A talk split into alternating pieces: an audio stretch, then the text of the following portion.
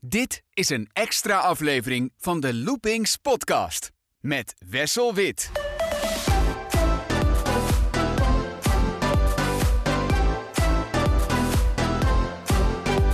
Half maart sprak ik met pretparkkenner Pieter Leeboy over eh, de coronacrisis en de gevolgen die dat had voor de pretparkwereld. We hebben toen eh, best wel een somber beeld geschetst. We spraken toen over de ergste nachtmerrie voor elke pretparkfan, omdat eh, toen de pretparken dicht waren en we nog niet wisten hoe lang het zou gaan duren, Inmiddels is het november, zijn de pretparken weer dicht. Ik zit hier wederom op anderhalve meter afstand eh, met Pieter. Dag Pieter. Hey Wessel, nou, ik voel me een beetje zo als uh, Peter R. de Vries bij het shownieuws. Die wordt er ook alleen maar bij gehaald als het uh, slecht nieuws is. Ja, het is, het is weer geen prettige boodschap uh, die we hebben voor de mensen. Maar misschien dat we het ook een beetje optimistisch kunnen houden. Um, dat wij even kunnen terugkijken op het coronaseizoen 2020. Want de pretparken zijn wel open geweest. En dat we vooruit kunnen kijken naar uh, 2021. Uh, maar allereerst jouw voorspelling. Ik kan me herinneren dat jij iets zei van... Het zou mij niet verbazen als de pretparken misschien nog wel tot juni, juli gesloten blijven. Nou, veel mensen verklaren je voor gek. Die zeiden, het is maart, we gaan volgende, volgende maand gewoon weer open. Maar toch heeft het lang geduurd.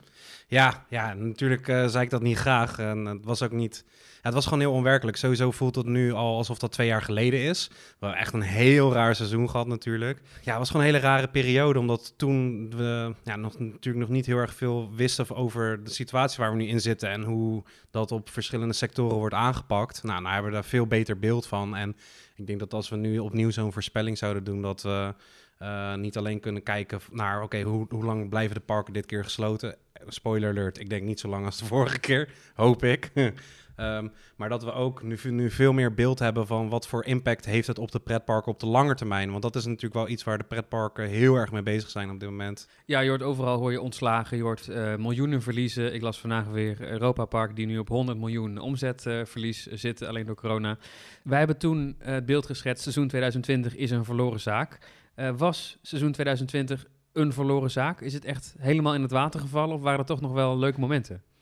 Ik denk dat het goed is uh, geweest dat uh, parken er alles aan hebben gedaan om zoveel mogelijk open te blijven. Al is het alleen voor het personeel wat, in het, wat het in de parken werkt. En ja, ik kan natuurlijk niet in de cijfers kijken. Ik kan me niet voorstellen dat er een Nederlands park is die dit jaar zwarte cijfers heeft gedraaid. Laat staan groene cijfers, om maar even zo te zeggen.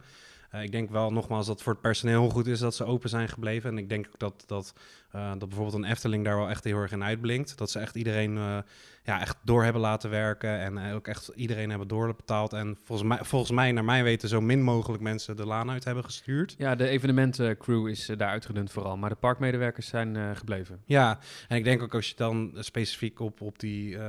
Uh, bij de Efteling dan op de evenementenpersoneel uh, kijkt. Ja, dat is iets wat compleet op zijn gat ligt natuurlijk. Ook buiten, buiten de parken. Dus ja, ik denk niet dat het een verloren jaar geweest is. Wij als fans zijn natuurlijk heel blij dat we onze rit hebben kunnen maken. En dat we toch naar de parken zijn, zijn geweest dit jaar, dit seizoen. Maar ik denk dat het voor, voor de meeste pretparken in Nederland en in Europa nu deze winterstop echt heel erg de tijd is om te kijken van oké, hoe gaan we dit op de lange termijn weer recht breien, om het maar even zo te zeggen. Hoe gaan we zorgen dat we hier overheen komen en dat we uh, ons misschien wel voorbereiden op nog zo'n situatie. Want dat moet wel echt een hele klap geweest zijn voor, ja, eigenlijk voor iedereen wel die in een pretpark werkt. Ja, want ik uh, hoorde Heidepark in Duitsland zeggen nog zo'n jaar en uh, wij gaan kopje onder. Um, de onzekerheid afgelopen voorjaar was gaan we open en wanneer gaan we open? Ik denk dat onzekerheid nu ook vooral is. Um, hoe lang gaat het nog de situatie zijn dat we wel open mogen, maar met zo'n beperkte capaciteit en zulke irritante maatregelen dat we gewoon geen winst kunnen draaien. Ja, en daarom denk ik dat we in de aankomende paar jaren, denk ik, want ik denk dat we het hier over een jaar nog steeds wel over uh, kunnen hebben. Ja, uh, voorspellingen komen meestal uit, hè? dus dit is heel gevaarlijk wat je nu zegt. Ja, ja ik zal heel goed let, op letten wat ik zeg nu. Ik denk dat de aankomende jaren, dat, ja, dat het echt wel heel realistisch is om, is om te denken dat er een park zoals Heidepark of een andere park wel overgenomen gaat worden door andere concerns van buitenaf. En dat we wel gaan zien dat, onze, dat de markt in Europa heel erg gaat shiften. Al is het alleen al dat sommige parken onder andere eigenaren gaan vallen. En die ook weer een ander beleid eigenlijk op elk front wel kunnen gaan doorvoeren door een park. Dus we zullen ook echt wel transformaties gaan zien in de aankomende paar jaren, denk ik. Ja, ja, het voordeel is natuurlijk van veel parken dat ze onderdeel zijn van een groep als fans zijn we daar regelmatig niet blij mee. Want dat betekent vaak ook bezuinigen op onderhoud, bezuinigen op personeel. Niet veel grote investeringen. Maar in dit geval is het handig, want je valt als park niet zo snel individueel om. Want er is altijd nog een maatschappij achter je. Maar jij verwacht dus wel dat er dus overnames gaan plaatsvinden. Dat, dat er parkengroepen, bepaalde parken die niet goed lopen, gaan afstoten nu. Nou ja, als je, wat je net zelf zegt ook, dat Heidepark nu al een claim maakt dat, dat ze na nog zo'n seizoen de deuren kunnen sluiten. Oftewel dat ze dus moeten gaan zoeken naar iemand die de boel overneemt. Ja, en Heidepark is gewoon een ontzettend groot park. Nou, kan je nagaan hoe, hoe, hoe dat voor de kleinere parken in Nederland en door Europa werkt. Weet je, ja, als die al zo weinig bezoekers mocht, mochten ontvangen dit jaar en dat misschien nog wel zo blijft. eh, ja, dan, dan gaan we dat wel veel zien, denk ik, de aankomende paar jaar. En dan, dat betekent automatisch ook dat onze branche en überhaupt de hele leisure-industrie er gewoon anders uit gaat zien de aankomende periode. We hebben het afgelopen zomer gemerkt met niet alleen de coronamaatregelen qua hygiëne, maar ook met steeds de beperkte capaciteit, hoorden we overal. Eh pretparken in Nederland die waren eh, heel enthousiast aan het roepen dat ze maar minder dan de helft van het maximale bezoekersaantal binnenlieten. Heb jij het gemerkt afgelopen zomer dat het erg rustig was overal? Over het algemeen wel. Eh, nou ben ik natuurlijk wel een stuk minder wezen parken dit seizoen. Eh, ik merkte ook zelf dat het ja, op een gegeven moment ja, dat het ook gewoon afschrikt eigenlijk om ja, nog een keer naar dat Nederlandse park te gaan waar je tussen de witte rode strepen staat of weet je, of de strepen die inmiddels zijn weggeveegd om zo maar te zeggen. Ja, ik denk dat er eh, zeker wel momenten zijn geweest die ik zelf heb ervaren dat ik denk van oei, dit gaat niet de goede kant op. Eh, ik denk dat het ook wel op zich logisch is, omdat het voor de parken ook nieuw is. Maar ik merk van, vanuit mezelf wel dat het een stuk minder is geweest allemaal. En, eh, maar aan de andere kant zijn ook wel genoeg dagen geweest dat ik rondliep. Dat ik dacht van nou, het is nu zo rustig. En dan even als voorbeeld met Walibi Holland en zo'n reserveringssysteem. Ja, dat is dan wel weer een pluspunt aan het hele verhaal. Dat, dan, dat was dan wel heel erg lekker, weet je. En die dagen heb ik ook, ook genoeg gezien. Ja, bij Walibi moest je dus de grote attracties verplicht via je telefoon reserveren, gratis. Ehm, zodat je daar niet meer lang hoeft te draaien staan. Dus, dus er was wel een wachttijd, bijvoorbeeld van een uur. Maar dan mocht je gewoon lekker vrij door het park heen lopen. Kreeg je melding op je telefoon als je in attracties eh, kon. Dat systeem hadden ze al. Dat kostte normaal geld. Nu was het gratis. Daar was jij dus wel voorstander van. Dat is dus ook wel iets waarvan je denkt, hou het misschien maar. Ja, heel graag zelfs. Ik vond het heel erg relaxed. Eh, ik denk dat het voor beide partijen goed werkt. Want ik denk dat ik nog nooit, gemiddeld gezien, nog nooit zoveel geld in, in een seizoen heb uitgegeven per dag, zeg maar. Want je staat niet in de wachtrij, dus je kunt lekker eten en drinken en Ja. souvenirs kopen. Ja, nou, en introduceren ze ook nog eens die eh, loaded fries eh, dit seizoen. Ja, die was prima. Ja. Nee, maar ik denk dat het in, in, in, in een win-win situatie is. Want ik, ik hoef niet in een wachtrij te staan. Ehm, ik kan gewoon lekker in het gras of ergens op een bankje gaan zitten. Ik koop dan automatisch ook meer eten en drinken in het park. Eh, dus ja, wat mij betreft gaan ze dat gewoon eh, houden. En bij andere, en kijken andere parken vooral met hun mee, ja, absoluut. Grote nadeel is natuurlijk wel dat er dus minder mensen in de wachtrijen staan. Want iedereen wacht virtueel en mag gewoon vrij rondlopen in het hele park. De mensen die in de wachtrij staan, die hebben als het goed is afstand. Dus er kunnen ook minder mensen in de wachtrij. Eh, waardoor je dus met een vrij laag bezoekersaantal alsnog wel het gevoel kunt krijgen in het park dat het vrij druk is. Terwijl het qua aantallen misschien meevalt. Maar dat mensen meer buiten de wachtrijen staan. En ook omdat ze afstand moeten houden, dat je automatisch het gevoel krijgt, er is wat drukte. Heb jij dat ook meegemaakt? Mm, ik, in Walibi Holland denk ik niet zozeer. eh, omdat er daar best wel veel grasvelden zijn waar je op kan zitten. Ehm, maar ik had dat in Europa Park bijvoorbeeld wel. Eh, dat is natuurlijk veel groter qua park. Maar ondanks dat ze dit jaar die virtual queue hadden, wat ook een onwijs relaxed systeem is, eh, ja, merkte je dat het daar toch op de paden wel drukker was. Ondanks dat zij gewoon echt een enorm park hebben.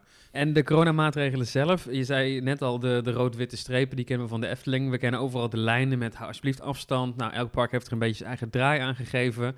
Hoe heb jij dat ervaren? Was een dagje pretpark nog wel leuk met al die lijnen en borden en hekken? Ja, zeker binnen Nederland. Omdat je, eh, ja, ik denk als fan in Nederland voornamelijk echt voor de attracties komt. eh, omdat je er al zo vaak geweest bent. het begon dit jaar bij. Eh, die waren als eerste open. Ik had ook vorig jaar nooit gedacht dat ik mijn seizoen zou openen bij, bij Duinrail. Dat was ook een first voor mij. En wat je eigenlijk toch, en ik denk dat je dat in elk park wel merkt, dat het gewoon heel erg afhankelijk is van de bezoekers. Je ziet dat het park het op verschillende manieren aanpakken. En een duinrail pakte dat dan het eerste weekend aan, echt met de lijnen. En er wel pompjes inderdaad overal. Maar ja, heel eerlijk, meer dan dat was het ook niet. Maar ik denk dat je als, dat je als park maatregelen kan nemen wat je wilt. Maar als de bezoekers er zi- zich niet aan houden. En we weten allemaal dat die er genoeg zijn. Maar ik denk dat het niet anders is dan wanneer je naar de supermarkt gaat of ja, noem het op. Eh, niet, het is niet heel erg veel meer wat nu open is nog, maar hè, je snapt wat ik bedoel. Het, is, het, het ligt gewoon echt aan de bezoeker, het ligt echt aan de, aan de mens. En ja, dat kan de ene dag kan het goed gaan, maar je ziet ook dagen waarop het gewoon minder gaat. Is het dan ook zo dat hoe meer bezoekers je binnenlaat, hoe groter de kans is dat het fout gaat? Denk ik wel, het is gewoon een rekensom. Dus ja, inderdaad, hoe meer mensen jij toelaat, hoe, meer, ja, hoe groter de kans is inderdaad dat er mensen tussenlopen die daar ja, toch eh, wat minder mee bezig zijn dan anderen, om het maar even netjes te zeggen. Ja, en van de Nederlandse parken, wel, als je nu terugblikt op het afgelopen seizoen, denk je dat er een park is die het beste voor elkaar had wat betreft de maatregelen? Ja, het is dus lastig, want dat seizoen begint dan, eind mei. Ehm, en dan ga je alles af. En dan heb je een top 10 gemaakt in je hoofd van parken die het het beste doen en die het het slechtste doen. Maar dan ga je vervolgens al die parken nog een keer bezoeken. En dan gaat het vervolgens weer helemaal in de war. Want het hangt dus zo erg af van het aantal bezoekers, hoe de bezoekers zich gedragen. Ehm, ik weet nog wel dat de Efteling voor het eerst open ging voor abonnementhouders. Als een corona-testdag, testmiddag. Ehm, en toen hadden ze het fantastisch voor elkaar. Toen was het erg rustig in het park. Mensen hielden zich netjes aan de maatregelen. Uh, de medewerkers waren vriendelijk. En de medewerkers die bleven maar zeggen: houd afstand en doe dit, doe dat. En dat ging hartstikke goed. Maar je wist gewoon: dit, is zo, dit kost die medewerkers zoveel energie met dit lage bezoekersaantal. Dit gaan ze niet volhouden. Er komen straks meer bezoekers. De medewerkers die worden op een gegeven moment dat praatje zat. En die gaan zelf ook die anderhalve meter niet elke keer meer uh, onthouden. En dat merk je bij de Efteling. Ze zijn daar ontzettend goed begonnen. Maar hoe drukker het daar werd, hoe minder, en dat zei de Efteling zelf ook, mensen zich aan die maatregelen gingen houden. Vervolgens kwam je in een zomer waarbij het gevoel in Nederland toch een beetje werd van, nou, het zal wel met die corona. Mm -hmm. wij hoefden ook geen mondkapjes te dragen in de Nederlandse pretparken, dus dat, uh, dat speelt ook nog mee. Um, maar ja, dat, het, het, verschilt dus heel erg per park en per ervaring. Je kunt in elk park denk ik een goede en een slechte ervaring gehad hebben dit jaar. Ja, dat is eigenlijk ja, dat is precies ook mijn, mijn ervaring van de afgelopen zomer. Dat het gewoon heel erg afhankelijk is van waar je op dat moment bent. Ik denk dan zelfs binnen een bepaalde dag. Uh, want jij, jij hebt het dan net over mondkapjes. Uh, nou, we zijn dan deze zomer al, uh, als optie B naar, uh, naar Duitsland gegaan. Omdat onze grote reis van dit jaar hebben we natuurlijk moeten cancelen. In Amerika was dat. Ja, ja, precies. Daardoor zijn we dus naar Duitsland gegaan, een grote roadtrip. En daar was het voor, voor ons voor het eerst dat we een mondkapje gingen dragen in een park. En dat was gewoon een hele andere ervaring. Omdat ik heb wel het idee dat wanneer je in een park loopt waar een mondkapjesplicht is, dat mensen dan automatisch denken over, maar dan hoef je ook geen afstand te houden. Dat heb je dan wel. Maar toch heb je, had, had ik er wel een fijner gevoel bij uh, uh, in de parken. Uh, tot op het punt dat ik na letterlijk negen uur rijden in Europa Park in Nederland eventjes bij het tankstation ging stoppen. En dat ik binnenkwam, ik denk van, doen al die mensen hier zonder mondkapje op? Het went heel snel. Ja, heel erg snel. Echt, nou, letterlijk acht dagen. En ja. toen dacht ik al, toen ik in Nederland terugkwam, denk ik van, ah, dit is gewoon ook raar eigenlijk dat de mensen dat hier niet doen. Je voelt je bijna schuldig als je dan door een Walibi of door een Efteling loopt zonder mondkapje. Ja, hoe snel ik eraan heb gewend, zo snel ging het ook weer terug, weet ah. je wel. Want ja, je gaat dan een paar keer in Nederland weer naar de park en daar doet niemand het. Dus daar wen je dan ook weer heel erg snel aan. Maar je ziet wel dat er zo'n verschil in beleid is binnen, binnen Europa dat je zelf continu wel afvraagt, van, ja, waar doe ik nou eigenlijk goed aan? Want ja, je kan een mondkapje dragen, maar jij en ik weten allebei dat, ja, laten we zeggen, 80% van de bezoekers een mondkapje niet op de juiste manier gebruiken. Wat ik wel opvallend vond aan de pretparken is dat zij, voordat het seizoen begon, zeiden wij hebben het helemaal onder controle. Wij hebben jarenlang ervaring met crowd control, dus wij gaan ervoor zorgen dat iedereen altijd anderhalve meter afstand kan houden. Maar dat is natuurlijk een bewering die je helemaal niet kunt doen. Want als jij mensen in een wachtrij stopt en het groepje uh, achter je heeft scheid aan de afstand en luister ook niet als je vraagt, hey, zou je even afstand willen houden? Dan kun je als park dat niet garanderen. En een Efteling die dan roept, ons park is zoveel voetbalvelden groot, zoveel hectare, er is, er is prachtige natuur om in te wandelen, dat is leuk, maar uh, halverwege de dag gaat iedereen naar Joris en de Draak. Dus dat is ook het lastige eraan, denk ik. Je kunt als park wel roepen dat je de gigantische ruimte hebt, maar het is een pretpark. En het hele pretpark is zo ontworpen dat iedereen uiteindelijk naar dezelfde punten toe gaat. Waar je kunt eten en drinken, waar je in de attracties kunt gaan. Dus dat maakte het ook lastig dat de parken op de tekentafel hadden bedacht: wij hebben zoveel de ruimte, wij kunnen makkelijk zoveel duizend gasten kwijt. En dan zijn die gasten er en dan gaan ze allemaal op een kluitje staan, want ze willen allemaal hetzelfde. Ja, ik denk dat dat het voor elk park ook heel lastig is geweest om het van tevoren uh, dit plan op te zetten. Ik kan me namelijk niet voorstellen dat je hier al een plan voor, hebt op, voor klaar hebt liggen. Dat je denkt van nou, we gaan nu alvast een plan maken voor als er ergens een keer een pandemie uitbreekt. En uh, dan hebben wij ons plan alvast klaar. Nee, dat hebben ze natuurlijk gewoon zelf moeten, moeten opstellen. Ik, denk, ja, ik denk wel dat ze heel erg optimistisch van tevoren zijn geweest. Als je kijkt van oké, wij gaan het zo aanpakken en dit gaat werken. En je ziet dan in de realiteit dat het niet altijd werkt. Ja, ik denk dat het wel heel optimistisch is geweest. Maar um, ja, ik denk dat het voor elk park een leerproces is geweest. En dat ze dat nu, ja, zeker de parken die nu gewoon niet meer open gaan uh, tot het nieuwe seizoen, gewoon evalueren is. En misschien zien we volgend jaar ook wel weer aanpassingen op zo'n beleid. Ja, het lastige is ook, je moet nu een reclamecampagne voorbereiden voor seizoen 2021.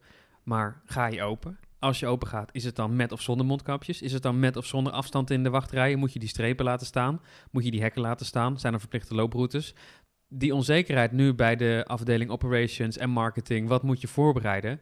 Je hebt geen idee. Misschien komt er wel een vaccin in januari en kunnen wij in april gewoon vrolijk naar Walibi, Toverland, Efteling, Slagharen, zonder gekke streep op de vloer en zonder afstand te moeten houden. En voor hetzelfde gaat zitten er nog een jaar aan vast. Verwacht jij, en dan laat ik het maar op de man afvragen dan, verwacht jij dat er nog een seizoen komt, een pretparkseizoen, waarin wij vastzitten aan die irritante coronamaatregelen? Ja, ja ik, uh, ik ga het gewoon eerlijk zeggen. Ik verwacht het wel, om eerlijk te zijn. Ik, uh, jij gaf net ook al aan dat er gesproken wordt over mogelijk vaccin begin 2021. Nou, stel in het meest gunstige geval komt die er. Ik denk niet dat het gelijk beschikbaar is voor iedereen. En dat betekent dus dat wanneer wij in april met z'n allen weer open willen gaan... Uh, ja, dat, dat er nog niet, niet voor iedereen een vaccin klaar is. Dat betekent automatisch meteen dat we het seizoen gaan starten met maatregelen. Gelijk al. Of dat dan een heel seizoen is, dat hoop ik niet. Maar ik, uh, ik sluit het niet uit. Wordt een hele rare gewaarwording als we straks kunnen communiceren. Vanaf morgen hoef je in de Efteling geen afstand meer te houden. Ja, want waar ligt die grens dan? Hè? Ja. Want dat is het, denk ik. Ik denk dus dat, er, dat de grens ligt op het vaccin. Dus dat je straks onderscheid gaat krijgen in de, samen, eh, in de samenleving. Mensen die wel een vaccin hebben uh, toegediend gekregen en mensen die dat niet hebben. En dat je daar ook een soort van bewijs van bij je hebt. En op het moment dat je dat bewijs hebt, dat je bepaalde dingen wel mag. En dat mensen die nog geen vaccin hebben, dat die bijvoorbeeld niet zomaar alle uh, zaken in, in de leisure-industrie af mogen gaan. Ik denk wel dat we zoiets eerder zullen zien dan dat we nog een heel seizoen op deze manier door moeten gaan. Parken kunnen het ook wel vragen bij het kopen van een entreekaart. Dat je iets moet aanvinken van ik bevestig hierbij dat ik het coronavaccin heb gehad. Dat is dan niet te handhaven. Zoals nu ook niet te handhaven is dat je moet aanvinken... ik beloof dat ik geen verkoudheidsklachten zal hebben als ik langskom. Ja, dus daarin zal dan in dat geval niks veranderen. Plan is ook om landelijke mondkapjesplicht in te voeren. Nu was het nog, de laatste paar maanden van het seizoen gebeurde het wel vaak, maar het was nog vrijwillig. Dus dan ga je er ook vanuit dat we in het voorjaar van 2021 allemaal verplicht met een mondkapje in de achtbaan moeten, zoals nu ook al het geval is in Frankrijk, België, Duitsland. Ja, ik denk het wel eigenlijk. Ik denk wel dat we op het moment dat we dit doortrekken en die mondkapjesplicht komt er ook echt. En niet een, inderdaad, dat het echt een plicht wordt. En niet zoals het nu in Nederland gebeurt, dat het aangeraden wordt. En dat je nou, alsnog ook buiten de parken ziet dat, dat er genoeg mensen zijn die het niet doen. Maar ik denk dat het wel heel realistisch is om, uh, om op ons daarop voor te bereiden. En ik moet heel erg zeggen, als dat het nodig is om de park open te houden en uh, dat ik nog steeds in een achtbaan kan zitten, dan doe ik dat met alle liefde. Ja, het lastige is ook dat sommige parken in het buitenland zeggen: je hebt een mondkapje op, dus je hoeft geen afstand meer te houden. Sommige parken, zoals Europa Park, die vullen gewoon alle zitplaatsen in alle, alle bakjes, want je hebt een mondkapje op. Terwijl dan in Nederland de vraag wordt: als de bezoekers verplicht in een achtbaan een mondkapje moeten dragen, hoef je dan ook die afstand niet meer te houden. Dat zou voor de capaciteit natuurlijk wel schelen, ook in het park zelf. Je ziet in Europa Park, als je daar um, woordvoerders aanspreekt op het feit dat het hartstikke druk is op de paden, dan zeggen ze ja, maar iedereen draagt mondkapjes. Als een soort excuus van daarom mogen we het gewoon weer lekker volproppen zoals vroeger.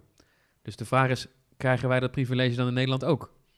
Ik, ik, denk het niet, want dat, ik, volgens, volgens, mij is het zo dat op het moment dat je een mondkapje draagt, dat het niet betekent dat je geen afstand hoeft te houden. Want het is gewoon en-en. Je moet dat gewoon allebei doen. In Nederland wel, ja. Ja, ja.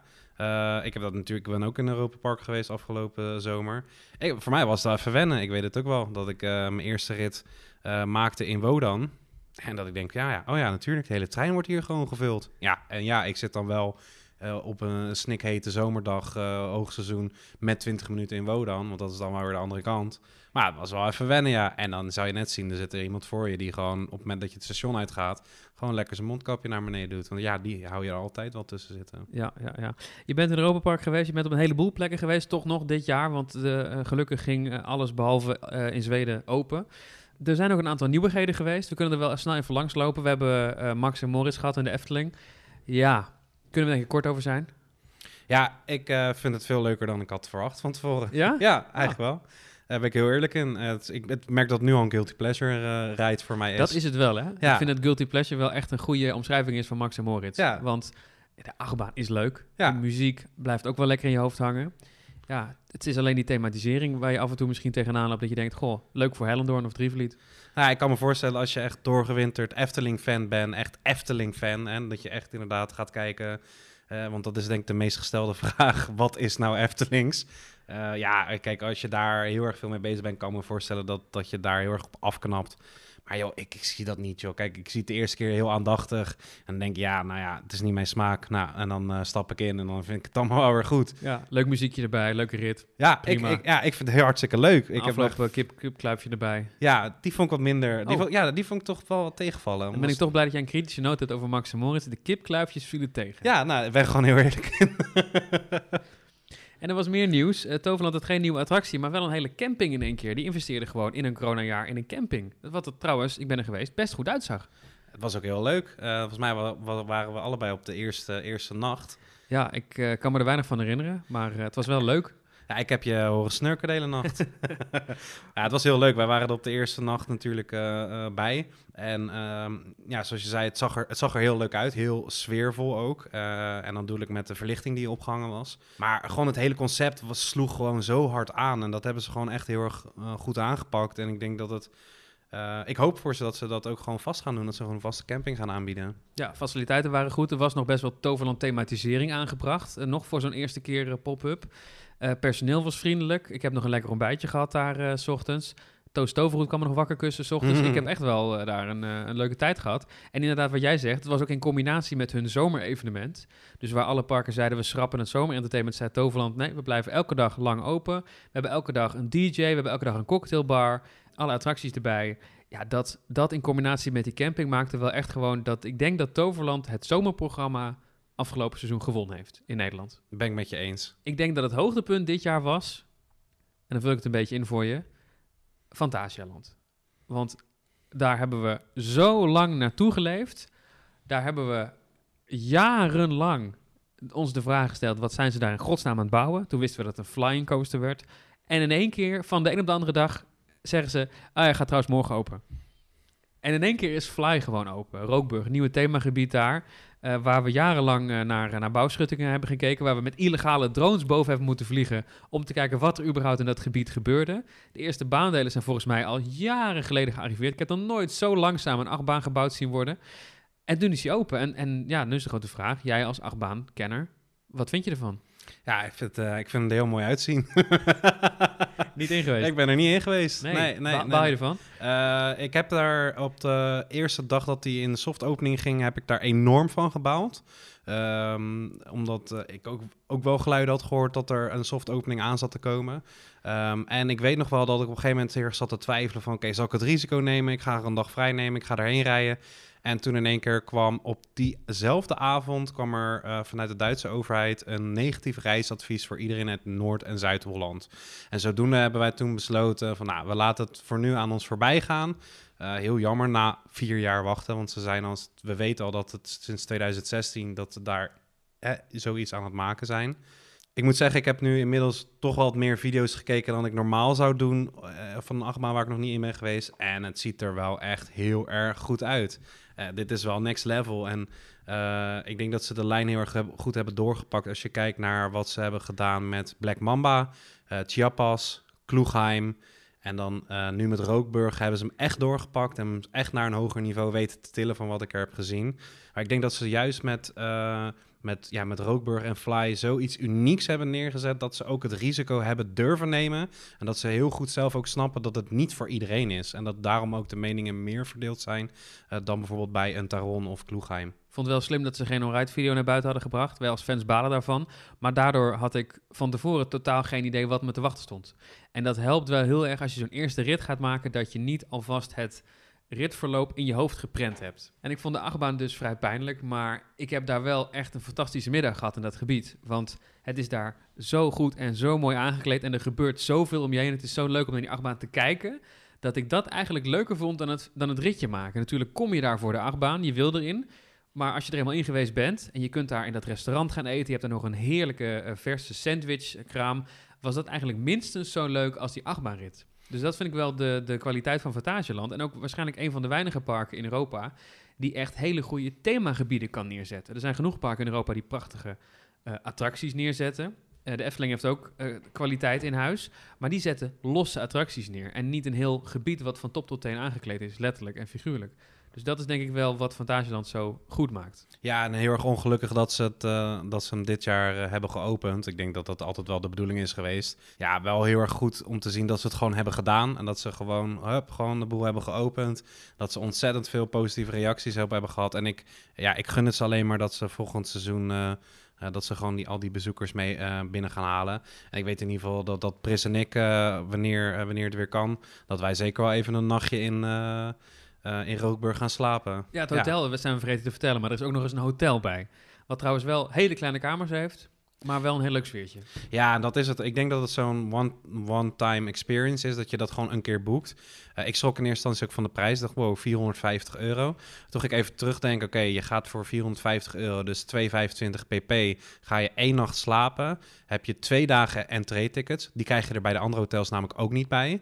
Eh, en je krijgt twee dagen, eh, twee dagen een diner en een ontbijt. En als je het zo terugrekent, valt het eigenlijk wel mee qua prijs. En dan hebben ze echt wel voor 225 pp echt een hele unieke, vette eh, ervaring. eh, waar ik in ieder geval niet op kan wachten. Ja, en je krijgt toegang tot de, de bar exclusief, want die is alleen maar voor hotelgasten. En je krijgt nog een vastpas voor de achtbaan. Dus je hoeft ook nog een keer niet te wachten voor, eh, voor Fly. Ja. deze podcast is niet gesponsord, hè? Eh, ik heb hier wat flappen liggen hoor, van Fantasieland. Er is ook, nee, er is ook slecht nieuws uit Fantasieland. Oh jee. Ja. Slecht nieuws? Ja, Hollywood Tour is nog steeds dicht. Ach, Eh, nu is het hele park op dit moment dicht. Ehm, maar Hollywood Tour is, eh, is gesloten tijdens het seizoen. Naar verluid vanwege waterschade. Eh, is ook weggehaald van de plattegrond. Dus fans vrezen het ergste. Maar Fantasieland heeft laten weten... we hebben wel plannen om Hollywood Tour nog terug te brengen.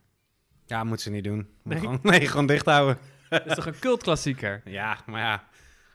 Zet daar gewoon alsjeblieft een keer wat anders neer, joh. Ja, dat kan je toch niet serieus nemen, sorry. Je hebt nu letterlijk 200 meter verderop heb je, heb je Rookburg staan. Ja, dat moet ze gewoon niet willen, joh. Die moet gewoon dicht ja, blijven. moet gewoon afscheid nemen. Over kwaliteitsuitbreidingen gesproken. Piraten in Batavia, Europa Park... was toch wel een pareltje dit seizoen, denk ik. Nou, zeker. We, eh, die hebben we ook allebei op de openingsdag eh, gedaan. En eh, ja, dat was gewoon heel erg vet. En dat was ook ver boven verwachting. En dat is geen, eh, niks ten nadele van Europa Park. Maar je gaat het toch al gauw vergelijken met andere dark rides in Europa Park. Ja, dan staat Europa Park in mijn optiek er gewoon niet heel erg goed voor... als je het vergelijkt met eh, nou, bijvoorbeeld een Disneyland Parijs. Want dat is toch gauw de vergelijking die je dan maakt. Of een Efteling.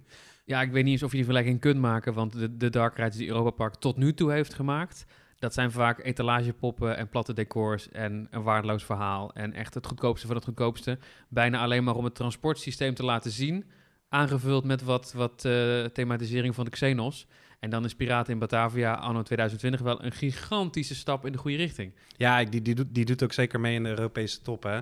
Maar ja, je, je maakt snel de vergelijking omdat ze eh, ja, dezelfde, of in ieder geval in, de, in dezelfde lijn qua bezoekersaantallen zitten. Absoluut. Dus ja. op, die, op die lijn vergelijk je ze dan. En da- daarin liepen ze gewoon op het gebied van dark rides onwijs achter. Ehm, ja, dan doe je piraten voor de eerste keer, word je echt weggeblazen. Ik vond het echt een hele vette attractie. En het heeft toch wel die Europa Park saus eroverheen. En daarmee bedoel ik dat het, het is lekker veel. Het is lekker aanwezig. Beetje kitsch. Ja, een beetje wel, maar I, I love it. Ja, ik vond het wel goed eigenlijk, want Europa Park krijgt altijd het commentaar dat ze dingen stelen van Disney. Dit is natuurlijk ook gewoon een rip-off van Pirates, maar ze hebben hier zo hun eigen product van gemaakt dat het echt een Europa Park steltje heeft. En dat vind ik knap, dat, eh, dat zag je ook bij Volutarium, hoewel er toch weer Disney-elementen in zaten, maar zeker ook bij de Cancan Coaster, de overdekte achtbaan Eurosap met het Moulin Rouge thema, dat Europa Park nu een eigen steltje begint te ontwikkelen, wat wel een beetje kitscherig is vergeleken met de andere parken, maar wel origineel. Ja, en dat komt denk ik omdat toen eh, Disneyland Parijs nog niet in Europa was, ja, toen hadden ze natuurlijk alle vrije, eh, vrijheid om dat soort attracties eh, ja, te kopiëren, mag je wel zeggen. En ik denk dat het eigenlijk ook helemaal geen schande is dat ze dat hebben gedaan voordat Disneyland Parijs er was. Ja, natuurlijk met de komst van Disneyland Parijs heeft dat wel de hele boel veranderd, omdat Duitsers nu ook naar een Disneypark in Europa kunnen gaan. En dat ze nu ook wel weten waar ze op sommige attracties de inspiratie vandaan halen. En nee, het hele Adventure Club Europe, even uit mijn hoofd, is ook geen origineel verhaal of originele storyline. Nee, dat is ook iets wat we bij Disney zien. Maar toch voeren ze dat op een eigen manier uit. En ja, ze komen er denk ik heel goed mee weg. Ik vind het fantastisch en ik denk de gemiddelde Duitse bezoeker ook. Ja, en, en dat was het wel een beetje, denk ik, qua belangrijke dingen in 2020. Ik denk dat we daar de zomer ook wel mee behandeld hebben. En dan wordt het toch wel eens tijd om terug te gaan blikken op het Halloween seizoen, die inmiddels al wel weer voorbij is. Ja, en wat een Halloween seizoen was het. Want het was lang heel onzeker, gaat het door. Ehm Walibi en Toverland riepen allebei heel lang wat er ook gebeurt, die Halloween Nights in Toverland, de Halloween Friday Nights in Walibi, ze gaan door op wat voor manier dan ook. We vinden het veel te belangrijk om het te annuleren. Dus daar hebben ze gelijk in gekregen. Ze zijn doorgegaan, maar niet op de manier zoals ze het voor ogen hadden.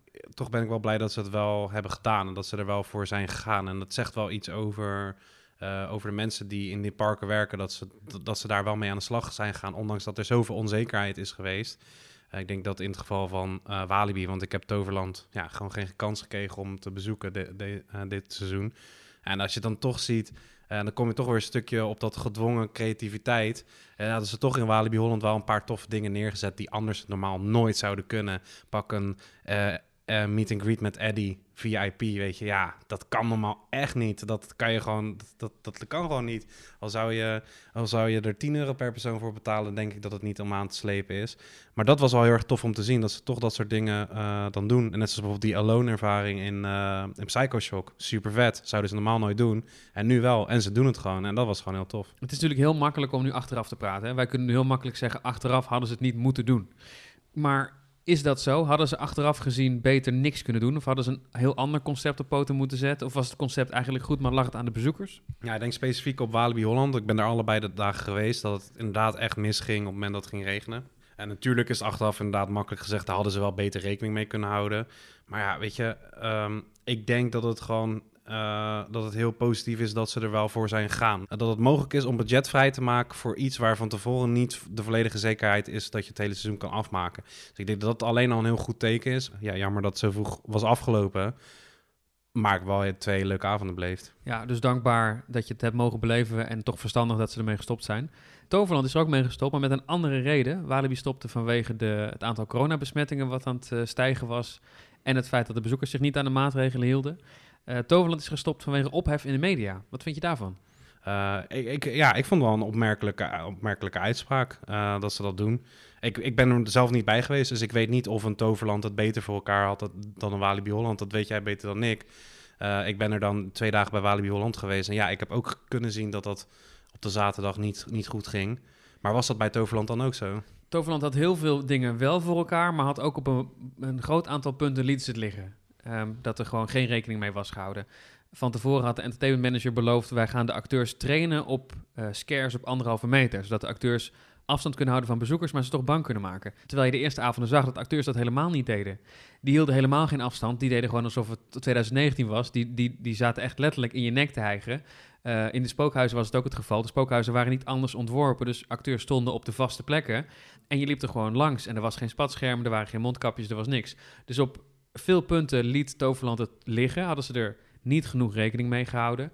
Uh, maar als je dan kijkt naar hoe de bezoekers zich gedroegen, dat ging dan wel redelijk goed. En ook na het eerste weekend hebben de acteurs op hun kop gehad en hebben ze toch een extra training gekregen en extra uitleg. En toen zag je het steeds beter gaan. op een gegeven moment uh, is het uh, grote nieuwe spookhuis Maison de la Magie ook gesloten, want daar was een evenementenvergunning voor en alle evenementen waren verboden. Dus dat moest dicht. Toen bleef eigenlijk de enige punten die toen overbleven die niet echt coronaproof waren, dat was de cakewalk. Uh, met van die bewegende trappen en van die loopbanden. Ja, daar was gewoon daar, daar was geen sprake van coronamaatregelen eigenlijk. Uh, de medewerkers stonden daar ook gewoon uh, pal naast de bezoekers. Um, en het spookhuis Fear the Woods, het overdekte spookhuis in een grote tent. Waarbij ook gewoon, er was een kruipruimte waar je met z'n allen doorheen moest. Ook niet echt coronaproof. Um, de acteurs stonden er dichtbij. Maar verder ging het in het park wel best wel goed. Je had die Witches Forest walkthrough in de bossen. Ging goed. Wachtrij was wel lang, maar daar hielden mensen afstand. Daar werd ook goed rekening mee gehouden. De, de medewerkers hielden het goed in de gaten. Dus eigenlijk was het beeld wel, het gaat in Toverland eigenlijk steeds beter. Ik had eigenlijk verwacht dat ze zouden zeggen, die Cakewalk en die Fear the Woods, die sluiten we en we maken het seizoen af. Hm. Maar toch hebben ze gezegd, uh, nee, te veel ophef.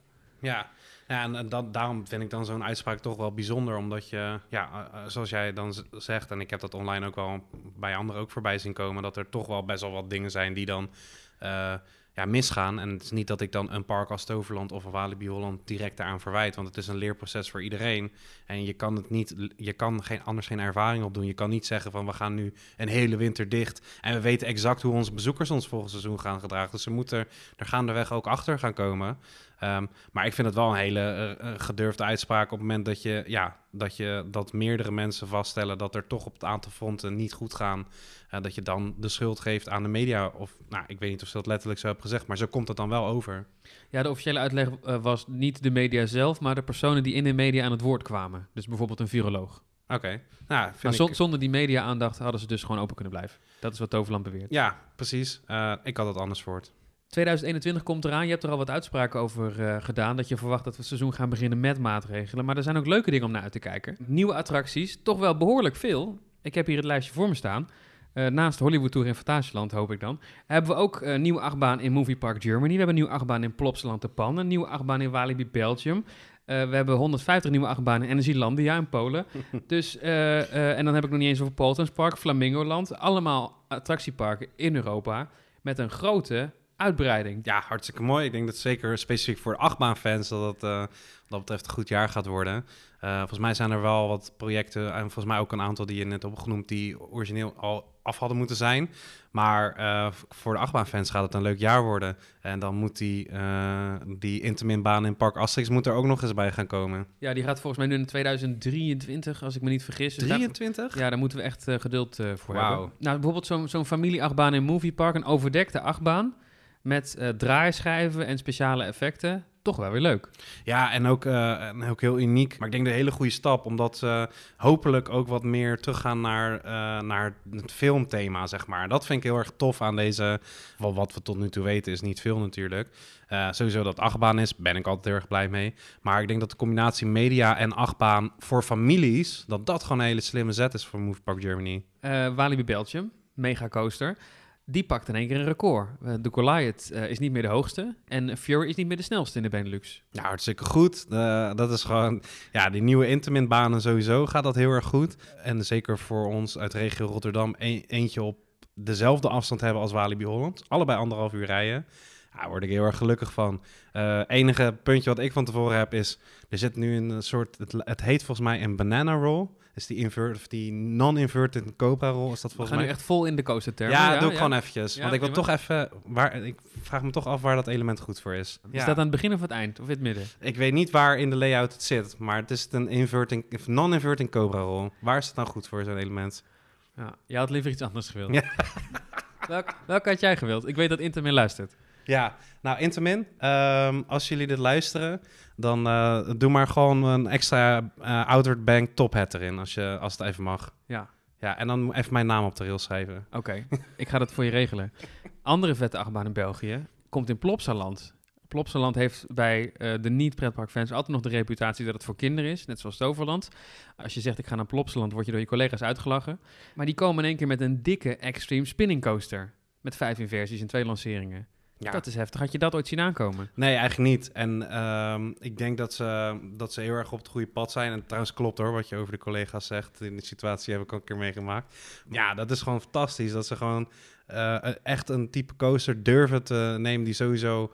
Ja, voor, voor een zeker voor dagsbezoeker echt heel erg eng uitziet. Want hij is en gelanceerd en de, de, de- die, die, die bakjes die draaien en hij gaat over de kop. Dus voor een gemiddelde dagsbezoeker heel erg extreem, heel erg eng. Voor ons als fans is het fantastisch, want ik had eigenlijk niet verwacht dat we op zo'n korte termijn na de eerste Extreme Max Spinning Coaster een tweede zouden krijgen. Dat die dan ook nog eens op slechts, nou het is het drie uur rijden van ons vandaan ligt. Ja, ik ga er wel meteen heen als die, als die open is. Je had het net over eh Fantasieland risico nemen met Fly. Deze achtbaan is niet voor iedereen, maar dat doen ze toch maar even.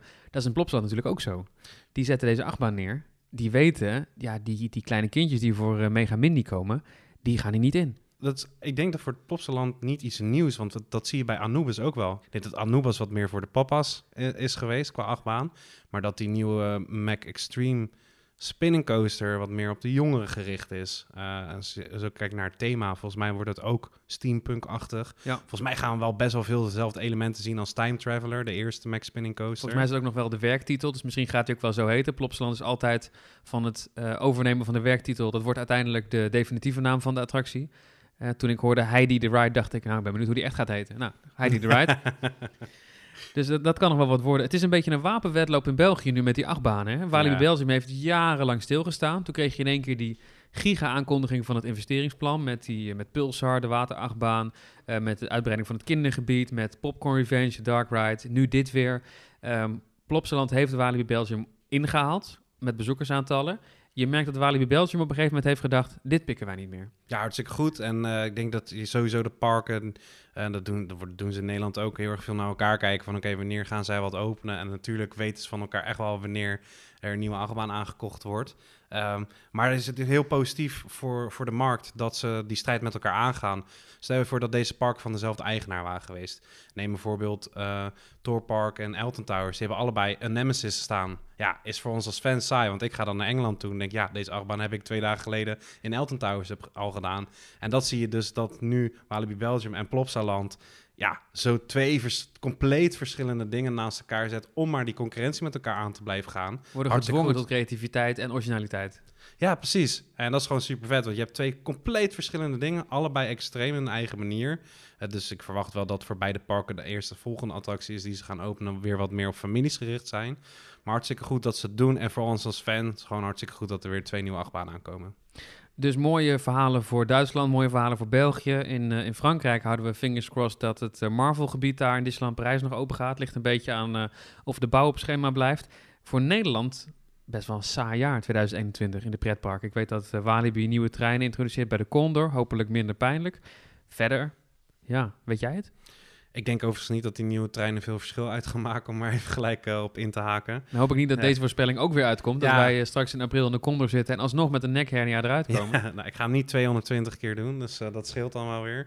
Nee, in, ja, in Nederland, wat is er aangekondigd? De Nest in de Efteling is aangekondigd. Ja, en... voor mensen met een beperking, speelbos. Ja. Ja, ook niet iets waar wij als achtbaanfans nou heel warm van worden. Ze hebben wel een rolstoelglijbaan, dat lijkt een beetje op een achtbaan. En dat krijgt een achtbaan-thema, want het speelbos staat in het teken van de achtbanen die eromheen liggen in het Ruigrijk. Joris en de Raak, Vliegende Hollander, Baron, dat soort dingen. Nou, dat, dat dan toch wel een beetje terug dat dat zeg maar het, het dichtstbij komt voor onze nieuwe achtbaan. Terwijl de Duitsers en de Belgen allemaal gloednieuwe achtbanen krijgen en wij een, eh, een, een, een glijbaan wat gethemiseerd is naar een achtbaan die al bestaat in de Efteling. dus voor de achtbaanfans is dat uh, geen goed jaar in Nederland. Maar ja, zoals het elke achtbaanfan weet, je moet gewoon hartstikke geduldig zijn. En op een gegeven moment gaan ze weer met elkaar concurreren. We hadden toen, op een gegeven moment hadden we Gold Rush, Lost Gravity en Baron. Weet je, en nu is het gewoon wachten tot de volgende, uh, tot de volgende Coaster War in Nederland uitbreekt. Uh, ik hoop nog steeds op een nieuwe achtbaan in de Efteling. Resumerend, uh, eh, 2020 was een kutjaar, maar we hebben wel van pretpark kunnen genieten. Dus het was niet helemaal verloren qua seizoen. En 2021, we hebben kanttekeningen, maar toch ook goede hoop. Ja, zeker. En als je gewoon ziet ja, hoeveel, hoeveel projecten we nu al behandeld hebben, weet je, dat ze daar nog steeds mee bezig zijn aan het bouwen zijn, zo hartstikke goed. Uh, het gaat weer een ander seizoen worden. Het gaat ook weer een ander seizoen worden dan, dan we het nu hebben beleefd. En ja, we gaan nog steeds wel beperkingen hebben, zeker met seizoensopening. Maar laten we er gewoon uh, vanuit gaan en laten we gewoon hopen dat we uh, steeds minder en minder van de maatregelen zullen gaan merken. En dat er ergens nog in een stipje aan de horizon, dat er ooit nog een tijd komt dat we gewoon zonder mondmasker en zonder rood-witte strepen naar een park kunnen gaan. Als mensen nu of volgend jaar jouw avonturen willen volgen in de pretparken, dan kunnen ze dat doen op, uh, op jullie YouTube-kanaal. Dat je hebt samen met je vriendin, dat is uh, Pieter en Pris. Um, nou, als je dat invult op YouTube, dan kom je bij jou terecht. Kun je abonneren, hartstikke leuk. Wederom bedankt voor je tijd. En um, ja, wanneer spreken we elkaar weer? Wat zullen we afspreken? Zullen we weer eens een update doen volgend jaar ergens? Ja, graag gedaan. Zullen we seizoensopening volgend jaar doen? Ja, precies. En dan gaan we kijken hoe we er dan voor staan. Goed, tot dan. Je luisterde naar een aflevering van de Loopings podcast. Heb je vragen of opmerkingen? Mail dan naar podcast@loopings.nl. En wil je geen afleveringen missen? Abonneer je dan via de verschillende podcast-apps zoals Spotify. Bedankt voor het luisteren en graag tot de volgende keer.